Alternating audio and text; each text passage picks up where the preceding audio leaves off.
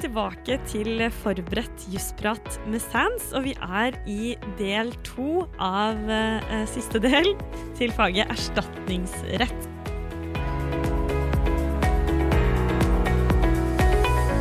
Jeg heter Gita, og eh, Karl Viktor, du sitter ved siden av meg. Hallo, hallo! Og så har vi selvfølgelig vår flotte ekspert Eva Dragseth, du er også med oss. Hei, hei. Og eh, hva skal vi snakke om i denne delen, Eva? I denne delen skal vi snakke om noe veldig, veldig gøy, og det er årsakssammenheng.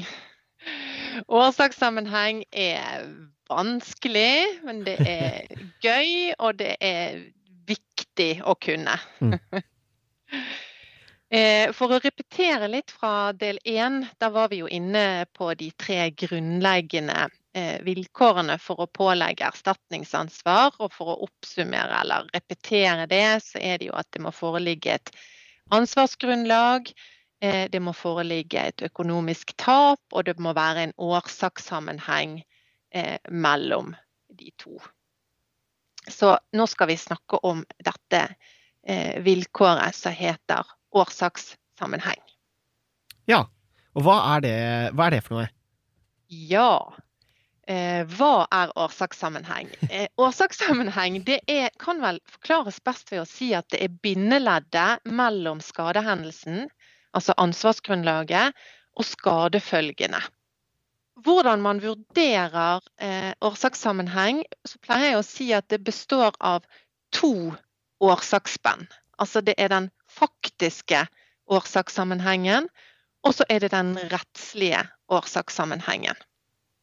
Og begge disse to årsaksspennene må vurderes, og det må foreligge både faktisk og rettslig årsakssammenheng for at vilkåret om årsakssammenheng skal være oppfylt. Så hvis vi først ser litt nærmere på hva som ligger i at det må være faktisk årsakssammenheng, så betyr det at skaden, altså det økonomiske tapet, er en direkte eller indirekte følge av selve eh, ansvarshendelsen. Og da har vi en, eh, en eh, rettslig plattform, pleier jeg å si, eller hovedregelen. Det er betingelseslæren Mm. i norsk rett. Og den skal vi snakke litt om. Men før jeg kommer nærmere inn på den, så vil jeg jo si at det er viktig å være oppmerksom på at det finnes andre årsakslærer, som f.eks. hovedårsakslæren, som er dominerende innenfor trygderetten. Ja. Eh, Men eh, betingelseslæren, det vil si at eh, ansvarsgrunnlaget er en nødvendig betingelse i årsaksrekken, og at skaden ikke ville inntruffet om betingelsen tenkes bort. Så utgangspunktet for vurdering av årsakssammenheng i norsk rett, det er altså denne betingelseslæren. Og betingelseslæren og plattformen for eh, betingelseslæren, det er p-pilledom 2, eh, som dere må eh, kunne. Men selve hjemmelen for betingelseslæren er langvarig sedvane og rettspraksis. Og jeg syns jo alltid det er viktig å se litt på hva, ja, hva er hensynet bak. Jo, hensynet bak denne betingelseslæren, det er rettferdighetstanker. Altså det vil virke urettferdig om man skal bli erstatningsansvarlig for noe som man ikke er årsak til. Ja, så det er det eh, eh, rettslige utgangspunktet da. P-pilledom 2, som jeg nevnte, er, er det veldig viktig at eh, studentene kan. Rettstidene 1992 side 64. Der det ble den sentrale uttalelsen. Eh, årsakskravet vil som regel være oppfylt dersom skaden ikke ville skjedd dersom det aktuelle bidraget tenkes borte. Altså, eh, skade, skadebidraget må være nødvendig og tilstrekkelig. Og i p-pilledom 2 var det en kvinne som ble rammet av trombose, der det var flere årsaker som kunne føre frem til den medisinske tilstanden. Eh, det var røyking, det var ja, en rekke andre forhold, deriblant bruk av p-piller. Derav navnet p-pilledom 2. Mm. Og dette gjaldt jo da et søksmål mot eh, produsenten av p-pillen. Og der det sentrale å merke seg er at hvis bruken av p-piller var en nødvendig betingelse for skaden, og videre at den har vært så vidt vesentlig i årsaksbildet at det er naturlig å knytte ansvar til den, ja, så kan ansvaret pålegges. Og det var det som skjedde her? Det var det som skjedde der. Og der man ser veldig tydelig den såkalte betingelseslæren. Mm. Altså, betingelseslæren sier at enhver nødvendig betingelse for en skade er årsak til den. Men hvis noe er eh, med på å forårsake skaden, men eh, at skaden fortsatt hadde oppstått selv om det lille bidraget eh, ikke var der, så er det ikke en nødvendig betingelse. Og da er det ikke Ja. årsak til skaden. Ja. Og der er det vurdering av vesentlighet. Riktig. Og det sånn at eh, ja, helt nødvendig å kunne for eh, faktisk årsakssammenheng er den eh, avgjørelsen. Ja, vi kanskje skal si litt mer om dette med vesentlighetslæren, da, altså vurdering. For vesentlighetslæren den avgrenser jo betingelseslæren. Det er kanskje det, det, det mest den mest pedagogiske fremstillingen av dette. At man tenker at betingelseslæren er utgangspunktet, men så har den noen begrensninger. eh, Og det ene er vesentlighetslæren. Og etter vesentlighetslæren så skal man se bort fra lite vesentlige årsaker. Og læren fokuserer jo på vektforholdet mellom ulike årsaker, eh, og kommer jo derfor kun til anvendelse når det er snakk om det som heter samvirkende årsaker. Altså at det er flere årsaker som kan føre frem til, til en skade. Mm. Nettopp det som var aktuelt i p-pilledom 2. Altså dette, denne trombosen eller eh, hjerneslaget skyldtes et samspill av flere årsaksfaktorer. Det er Vesentlighetslæren er den ene læren som avgrenser. Og så kommer det en lære til som avgrenser betingelseslæren ytterligere. Og det er det som heter adekvanslæren. Og etter adekvanslæren så skal man se bort fra upåregnelige, fjerne og avledede årsaker.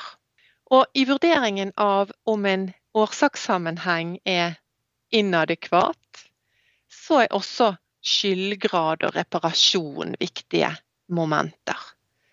Fordi at det foretas gjerne en interesseavveining mellom skadevolder og, og skadelidte.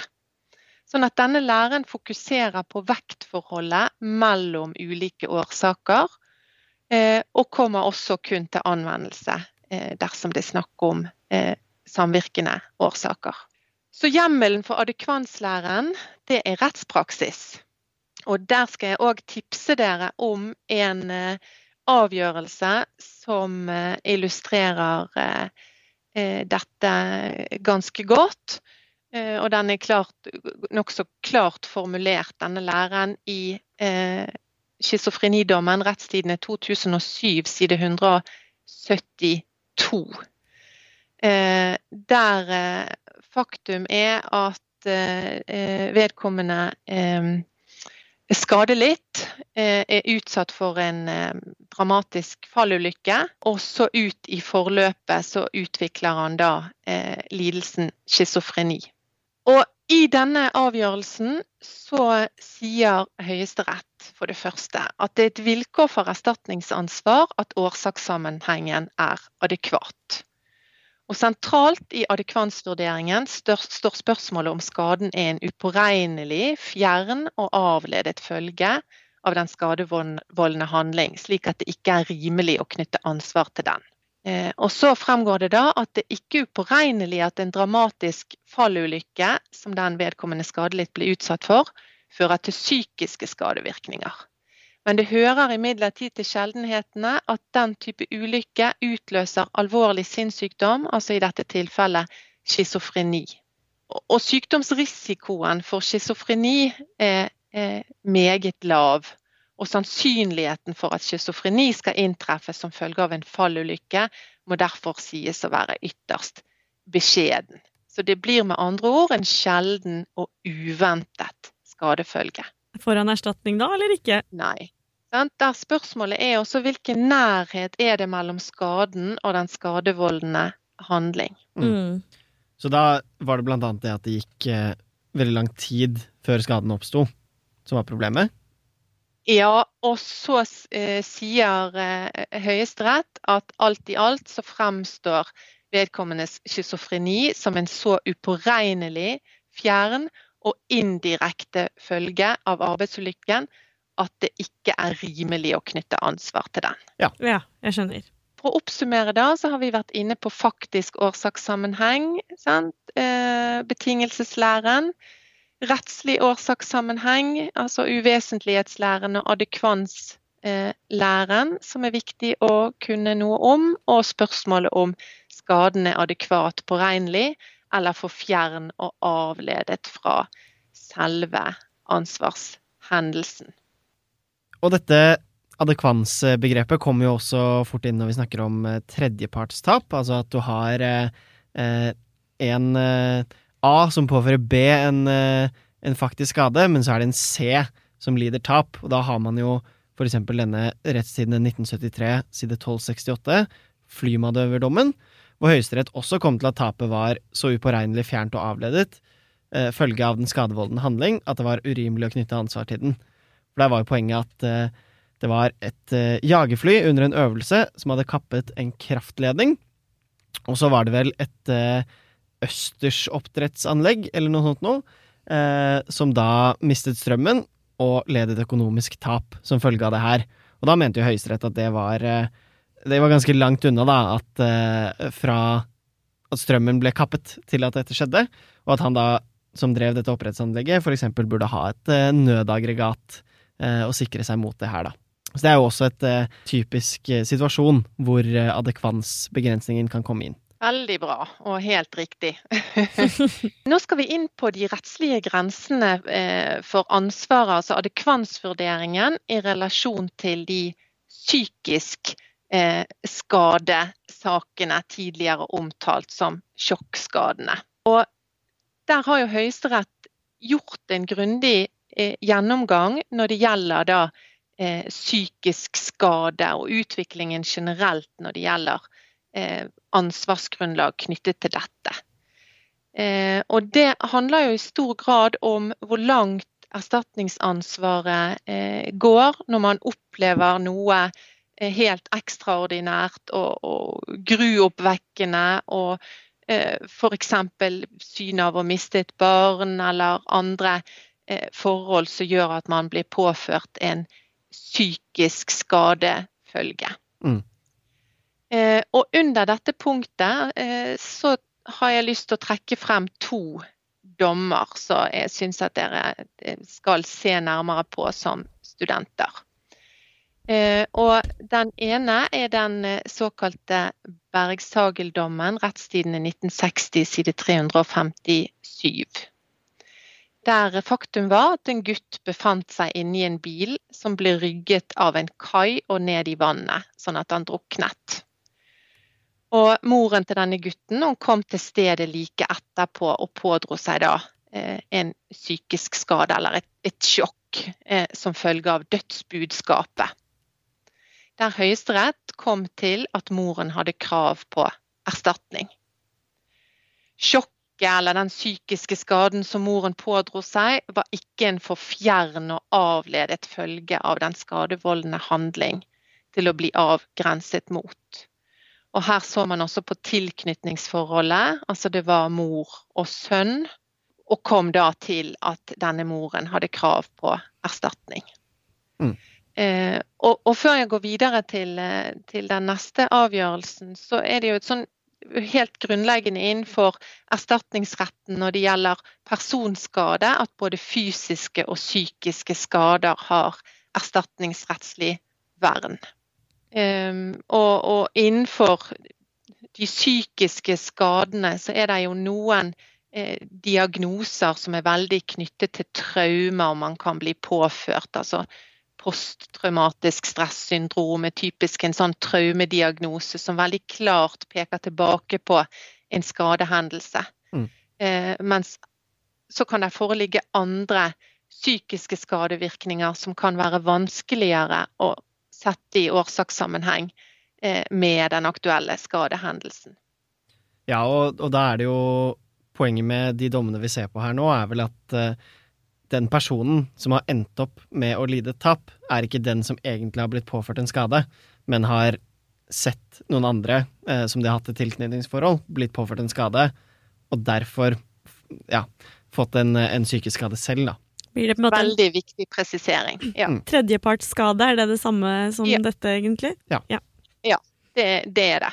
Og, da, og, Den andre dommen jeg vil eh, trekke frem, er Hauketo-dommen. Rettstidene 1985, side 10-11. Eh, der faktum var at en mann sto og ventet ved et togspor og ante fred og ingen fare. Og så kommer toget på sporet eh, eh nærmest han i høy fart. Han ble truffet av eh, en lykt og fikk store deler av ansiktet knust. Noe som selvfølgelig førte til alvorlige hodeskader. Og hans kone, altså skadelidtes kone, hun hadde direkte observert dette. Eh, og ble da tilkjent erstatning for eh, den psykiske skade, eller det sjokk hun ble, ble påført. da. Der er vurderingen eh, fra retten, altså da står det slik også ektefelle ble vitne til ulykken som rammet hennes mann var det høyst påregnelig at hun kunne bli sjokkskadet.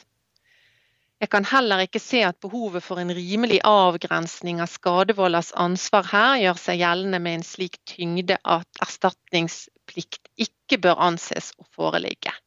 Altså, hun var direkte vitne til skaden, som var meget dramatisk. Mm. Så her ser man jo òg at en tredje part eh, tilkjennes erstatning for en psykisk skadefølge. Mm. Eh, og der er andre eh, dommer også som eh, kan være viktig å merke seg. Rettstiden er 1966 side 163. Sola kan være én. For å oppsummere, da, så vil det være et poeng å se nærmere på nærheten mellom eh, den skadegjørende handlingen og den psykiske skaden. Og man må her som ellers i erstatningsretten innen rimelighetens grenser knytte eh, vurderingen til eh, konkrete eh, forutsetninger. Mm. Og det er jo også et, eh, et lesetips eh, fra meg på dette temaet her, er jo denne eh, sykehusdommen fra 2018, hvor eh, førstvoterende, dommer Bårdsen, har lagt seg i sela og faktisk oppsummerer disse andre dommene vi har gått gjennom, før han kommer til eh, konklusjonen. Så der får man eh, en liten oppsummering av, eh, av rettstilstanden på det området. Og der tar de også opp sårbarhetsprinsippet, som vi snakket om tidligere. Ja, i episode én. ja, i episode én. da skal vi si litt kort om det som heter tapsutmåling, veldig kort. For jeg har forstått det sånn at det ikke er eh, erstatningsutmåling ikke er et stort tema for dere som er studenter. Men jeg kan jo si som praktiker gjennom mange år at tapsutmåling er veldig morsomt og veldig nyttig å kunne. Og, men jeg skal nøye meg med å gi noen sånne utgangspunkt, sånn at erstatningsretten skal henge sammen for dere. For det, det klare utgangspunktet for erstatningsutmålingen i, i norsk rett det er at skadelidte skal ha sitt fulle tap erstattet. Altså skadelidte skal stilles økonomisk som om skaden ikke var inntruffet. Og eh, der er mange rettsavgjørelser som befester det utgangspunktet.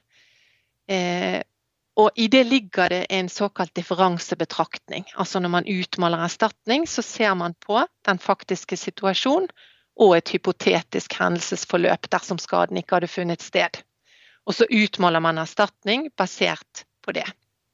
Og hvis dere husker fra del én eh, på ansvarsgrunnlaget, så, så, snakket vi jo om disse to formene for ikke-økonomisk erstatning. Altså menerstatning og oppreisningserstatning. Så det er eh, det som er knyttet til den ikke-økonomiske erstatningen. Mens utmåling av det økonomiske tapet, altså inntektstap, merutgifter, eh, ja, det rene økonomiske tapet, da skal man sammenligne situasjonen med og uten skade. Det er utgangspunktet. Eh, og så er det sånn at når det gjelder utmåling, så er det to ting som kan begrense dette utgangspunktet med, med full erstatning. Mm. Og det ene er medvirkning. Der man har eh, et hjemmelsgrunnlag i skadeserstatningslovens paragraf 5.1. Den bestemmelsen må dere kunne, for medvirkning kan eh, være aktuelt å få på eksamen. Og med medvirkning så eh, menes at erstatningssummen kan settes ned eller falle bort dersom den skadelidte har medvirket til skaden ved egen skyld. Og dersom det er rimelig når en tar hensyn til atferden og atferdens betydning for at skaden skjedde. Så her ligger det også en, en vurdering av skyld og, og skadelidtes medvirkning til at denne eh, hendelsen har skjedd. Hensynet bak bestemmelsen er en risiko, altså i utgangspunktet et risikofordelingssynspunkt. Eh, men det er også reparasjon og prevensjon i forhold til skadelidte. Også dette såkalte pulveriseringshensynet. Så jeg skal oppsummere eh, i tre punkt når foreligger medvirkning. For det første, skadelidte har medvirket til skaden ved egen skyld. For det andre, skadelidte har latt være å fjerne eller minske risikoen for skaden. Eller for det tredje, skadelidte har latt være etter egen evne å begrense skaden. Mm. Tre utgangspunkt. Og så er det en annen ting som det er viktig å merke seg, og det er at det alltid kreves årsakssammenheng mellom skadelidtes medvirkning og skaden for at erstatningen skal kunne settes ned som følge av skadelidtes medvirkning. Så det høres ut eh, i stor grad som eh, mye av det samme man gjør på skadevoldersiden under en kulpa-vurdering, bare Ja. sett fra den andre vinkelen. Ja, det foretas en vanlig kulpa-vurdering. det er helt korrekt, korrekt, av skadelidte, og vurderingstema blir om skadelidte utviste den forsiktighet som vedkommende burde gjort, sett hen til de faktiske forhold. Og så når vi da har vært inne og vurdert disse inngangsvilkårene og sett om de er oppfylt, så vil det jo bero på en konkret rimelighetsvurdering om erstatningen faktisk skal settes ned eller bortfalle. Og det kan jo være vanskelig å, å forstå. Så igjen eh, skal jeg forsøke å gi dere noen knagger. Hvis vi først ser på atferden, altså momentet som da viser til grad av skyld. Sant? Er det forsett, er det grov uaktsomhet, er det mer enn lite å laste? Altså atferdens betydning for at skaden faktisk skjedde. Det er relevant. Så skal man se på omfanget av skaden, altså skadepotensialet. Hvor, om, altså hvor, hvor stor er denne skaden? Så igjen, de samme tingene som vi snakket om under ansvarsgrunnlag og kulpa, vil være relevant. Og hvis jeg skal tipse litt om rettspraksis som kan eh, belyse dette, eh, så kan vi jo vise til alpinbakke 1, rettstidene 2000 side 1991 kan være sentral, og vi kan òg vise til eh, rekkverkdommen, rettstidene 2005 side 1714. Hvis jeg er i en sykkelpark og sykler rundt der uten hjelm, og så faller jeg, og så slår jeg meg skikkelig, eh, men jeg har jo ikke tatt på meg hjelm, hadde det vært en typisk eh, medvirkning til skade? Ja, og der vil jeg jo tenke at det er typisk et sånn område der man har atferdsnormer. Altså det er, det er Du skal bruke hjelm. Sant? Det Mm. forventes at du skal bruke hjelm. Eh, skadepotensialet er stort. Det er en stor risiko for hodeskade når du er på sykkel uten hjelm. Eh, så ja, Mm. absolutt. Ha på hjelm, folkens! Jeg har òg lyst å si litt om lemping. Men kanskje før vi kommer inn til lemping, som òg har betydning for selve erstatningsutmålingen. Så hvis vi nå stopper opp med at eh, medvirkning er det ene forholdet som kan føre til at skadelidte ikke får full erstatning. Og det er nokså rimelig. Altså man kan eh, lett som alminnelig menneske og ikke jurist forestille seg at det, det, det gir mening. At mm. dersom man bidrar til skade, så får man ikke full erstatning. Ja, det gir mening for meg. Jeg er ikke juridisk person. Nei, og da er jeg litt eh, spent på du, eh, hva du vil mene om eh, lemping. For lemping er også en, en, innsnevring av den alminnelige regelen om at skadelidte skal ha full erstatning. Mm.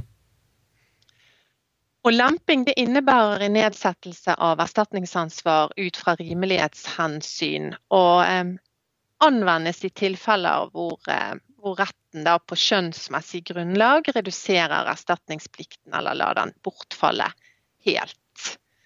Eh, og eh, sentrale hensyn for lemping er skadevolders behov for beskyttelse mot økonomisk ruin på den ene siden, og så er det skadelidtes trygghetsbehov på den andre. Så ansvaret kan lempes eh, etter skadeserstatningslovens paragraf 5-2 hvis det vil virke urimelig tyngende for den ansvarlige å betale denne erstatningen.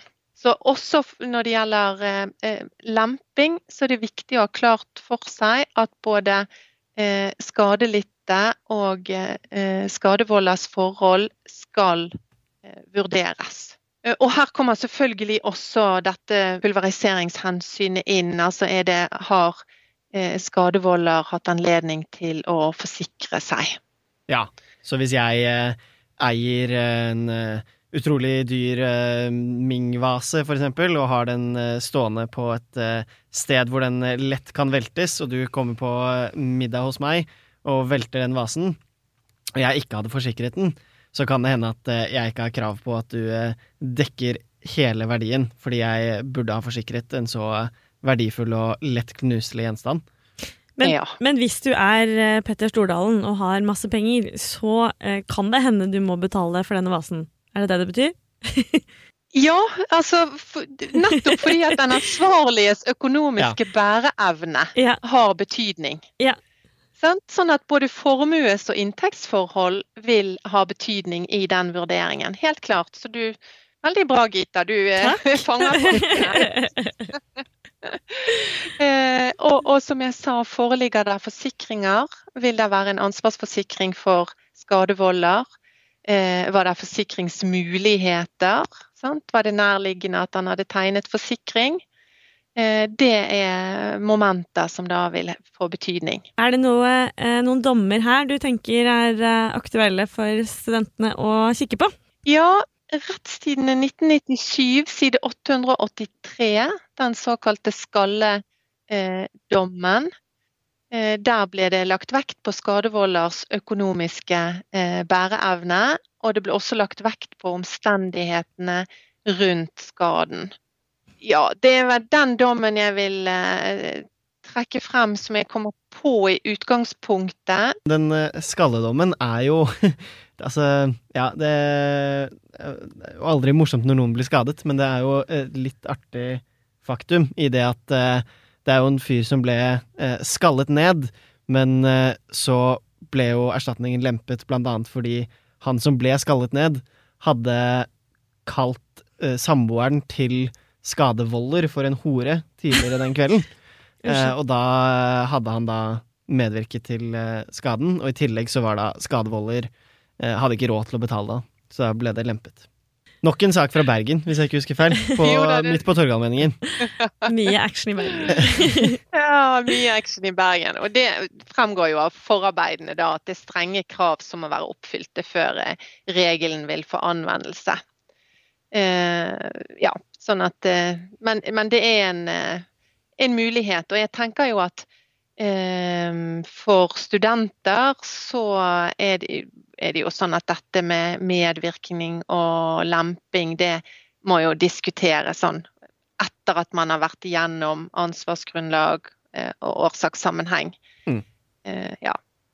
Ja, men Da har vi jo kanskje kommet uh, til uh, veis ende for, uh, for episodene om erstatningsrett, har vi ikke det? Jo. Eva, du har jo sagt før vi satte i gang med dette at erstatningsrett det kan prates om i dagevis omtrent. Det er veldig mye, mye, gøy, men vi håper at du som lytter har fått litt ekstra hjelp, som kan være cherry on top for, for når du sitter og har eksamen innenfor erstatningsrett. Ja, håper eh, dette her er en god hjelp til å være forberedt eh, til eh, eksamen.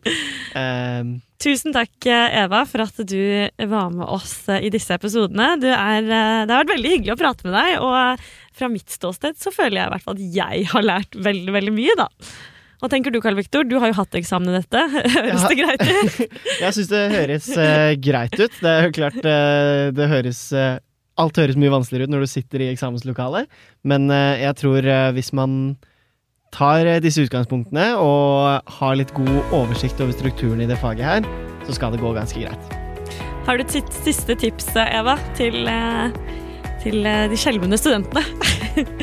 ja, les rettspraksis, og lykke til på eksamen. Og jeg gleder meg til å se dere i det virkelige liv. Vet vi. Og hvis du der ute har noen innspill til oss, så send de gjerne til gsi.sands.no. Og så ønsker vi dere lykke til, og ha det bra! Ha det bra! Ha det bra.